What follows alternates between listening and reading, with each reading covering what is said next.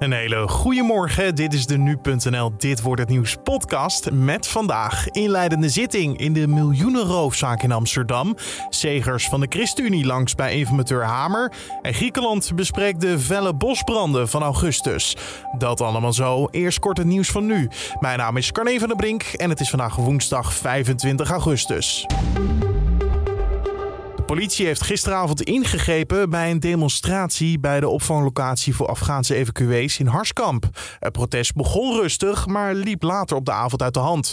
Toen onder meer een stapel autobanden in brand werd gestoken.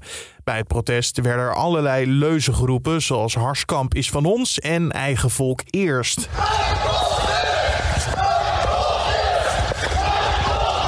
De demonstranten zouden vooral jongeren uit de buurt zijn en er is niemand aangehouden.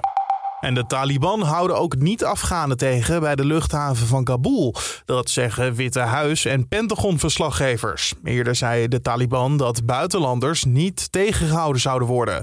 Volgens nog wordt alleen melding gemaakt van personen met de Amerikaanse nationaliteit. De Amerikaanse president Joe Biden zei zich te zullen houden aan de deadline van 31 augustus om mensen uit Afghanistan te evacueren. Hij zou bang zijn voor een aanslag. Demissionair minister Sigrid Kaag van Buitenlandse Zaken zaken zij al extra tijd nodig te hebben om mensen uit Afghanistan te evacueren. De economie is in driekwart van de regio's in Nederland op het niveau van voor de coronacrisis, of zelfs hoger. Dat blijkt uit nieuwe cijfers van het CBS. In twaalf regio's is dat nog niet het geval, waaronder Haarlemmermeer. Er wordt vanaf Schiphol, dat onder die regio valt, namelijk nog altijd minder gevlogen. De economie van Amsterdam is ook nog niet terug op het oude niveau. Dat komt onder meer omdat er minder toeristen zijn, waardoor de inkomsten uit de horeca en de cultuursector tegenvallen. Sinds vorig jaar zomer is onze bierconsumptie met zo'n 8% gedaald, vergeleken met dezelfde periode een jaar eerder.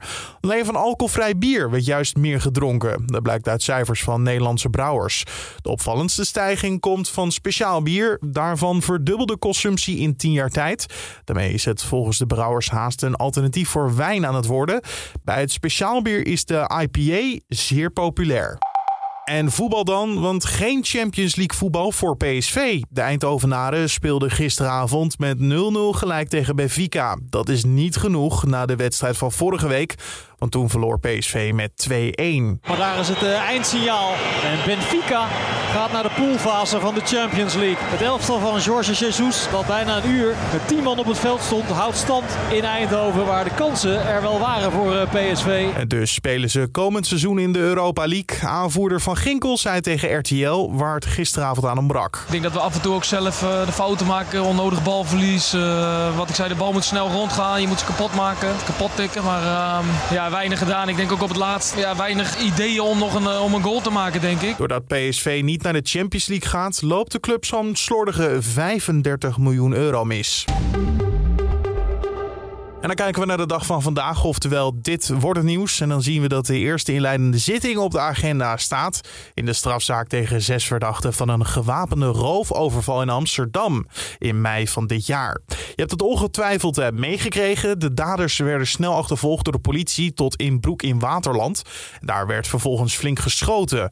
Een zevenovervaller kwam daarbij ook om het leven. De beschuldiging tegen het zestal is een poging gekwalificeerde doodslag en diefstal met geweld van een eh, grote hoeveelheid kostbare edelmetalen. Volgens de politiedossiers is er nog altijd meer dan 4 miljoen euro niet teruggevonden.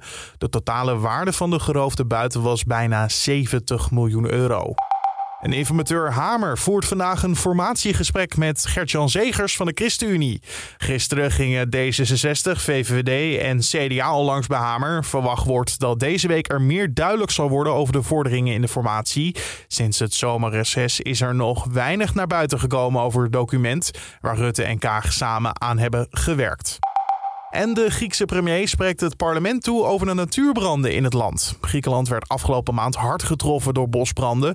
Veel woningen en bedrijven zijn verwoest. Meer dan 90.000 hectare bos en landbouwgebied is in de as gelegd. En om even dat in kader te zetten, dat is een gebied net iets kleiner dan de provincie Utrecht. Dan over naar het weer van vandaag. Wat het gaat worden, dat vragen we deze ochtend aan Raymond Klaassen van Weerplaza. Op de meeste plaatsen begint de dag met zon. Hier en daar kan nog een enkel mistbankje hangen. Vanuit het noorden gaat wel de bewolking toenemen. En dat betekent dat de noordelijke provincies rond het middaguur toch meer bewolking gaan krijgen. De bewolking schuift dan heel langzaam naar het zuiden. De temperatuur die loopt op naar zo'n 19 graden op de Waddeneilanden. In het zuiden wordt het zo'n 22 graden. Als de bewolking eenmaal binnenschuift, zal het in het noorden wel frisser gaan worden. Hooguit een graad of 17. Er waait vandaag een matige wind uit het noorden tot noordwesten. In de loop van de dag neemt hij aan zee en op de Wadden verder toe en kan die af en toe krachtig worden. Dat is een windkracht 6. Vanavond krijgt bewolking geleidelijk aan steeds meer de overhand. En mogelijk valt er dan in het noorden ook nog een spatje regen. Dankjewel Raymond Klaassen van Weerplaza. En om af te sluiten nog even dit. André Hazes heeft spijt van snelle kiekjes van zijn nieuwe vriendin. In een Belgisch blad zegt hij dat hij foto's met zijn nieuwe vriendin Sarah van Zoelen niet zo snel na de breuk met Monique Westenberg op Instagram had moeten zetten. In april plaatste Hazes voor het eerst een foto van hem en van Zoelen op eh, Instagram. Dat gebeurde een maand nadat hij en Westerberg voor de tweede keer uit elkaar waren gegaan. Nou, hij zegt nu dat hij rekening had moeten houden met de gevoelens van anderen, waaronder die van Monique. En hij geeft nu toe in het blad dat het snel plaatsen van kiekjes samen met zijn nieuwe vriendin niet slim was.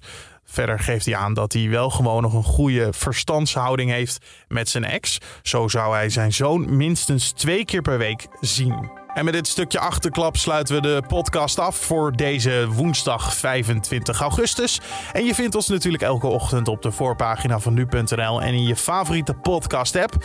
Ja, sowieso kan je de podcast delen met iedereen die je kent in je omgeving. Laat een recensie achter bij Apple Podcast.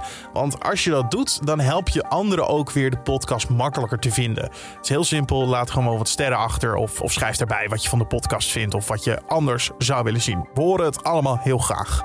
Dankjewel voor het luisteren. Mijn naam was Carne van der Brink. En hopelijk ben je er de volgende keer ook weer bij. Tot dan.